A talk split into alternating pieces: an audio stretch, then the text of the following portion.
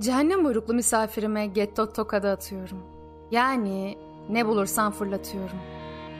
Yerden avuçladığım suyu suratına çarpınca iyice anlıyor. Yatağımdan akan su evde bir akarsu yatağı oluşturmuştu. Dereyi görmüştük. Hatta derenin içindeydik. Su çeken ayakkabılarımı çıkardım. Mahmur bir neşeyle sırıttım.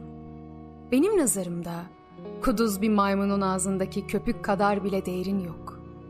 Emekliliği yaklaşmış bir celladın aldırışsız havasına bürünmüştüm. Bakanlık binasının çevresinde polisler nöbet tutuyor. Üniformalı, silahlı, matruş kardan adamlar. Katliamı araştıran komiser yardımcısından ayaküstü bilgi alıyorum. Çayını karıştırırken kahvaltı haberlerini sunan gamlı bir spiker havasında konuşuyor. Caniler işinin ehliymiş. İçeri girerken yüzleri maskeliymiş. Kaç kişi oldukları belli değilmiş. Üç de olabilirmiş, yirmi de. İnsanlık bir takım oyunudur. İki kişilik bir oyundur. Bireysel bir oyundur. Bence B'si. Mana insan oluşun bir yan ürünüdür. İlişkilerde beliren bir kazanımdır. İnsanlık için bir ön koşuldur. Bence A'sı.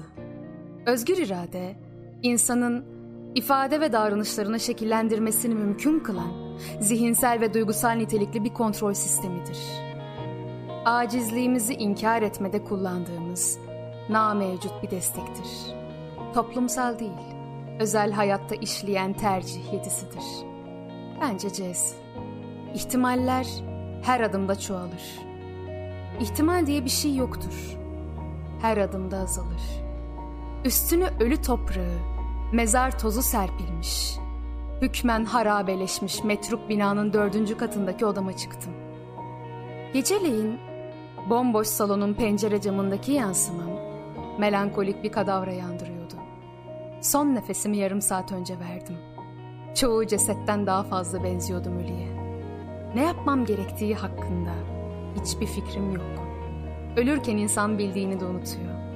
Mezardan şartlı tahliyeyle serbest bırakılmışım gibi hissediyorum.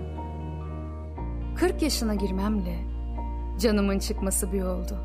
Ölümden değil, gelecekten korkuyorum. Vicdan azabı o dolu kabuslarla adı konmamış hasretler arasındaki istikrarsız yolculuğum tam gaz sürüyor. Çocuklar bir kuzuyu kucaklamadan, kelebeğin peşinde koşmadan, tavşanla bakışamadan büyüyor.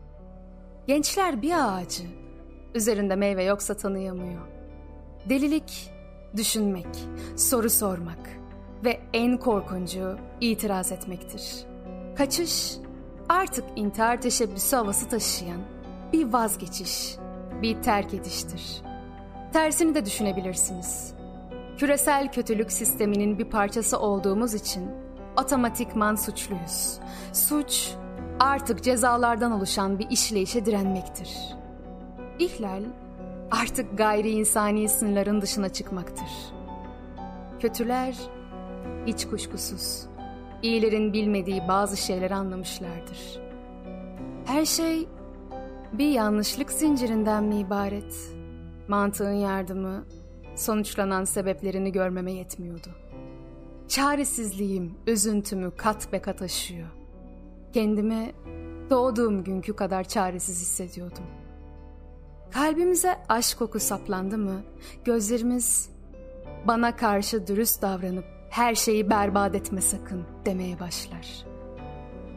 Belki Şebnem'le buluşmayı denerim. Beni idamlık bir cellat yapan ufak tefek kusurlarımı belki göz ardı eder.''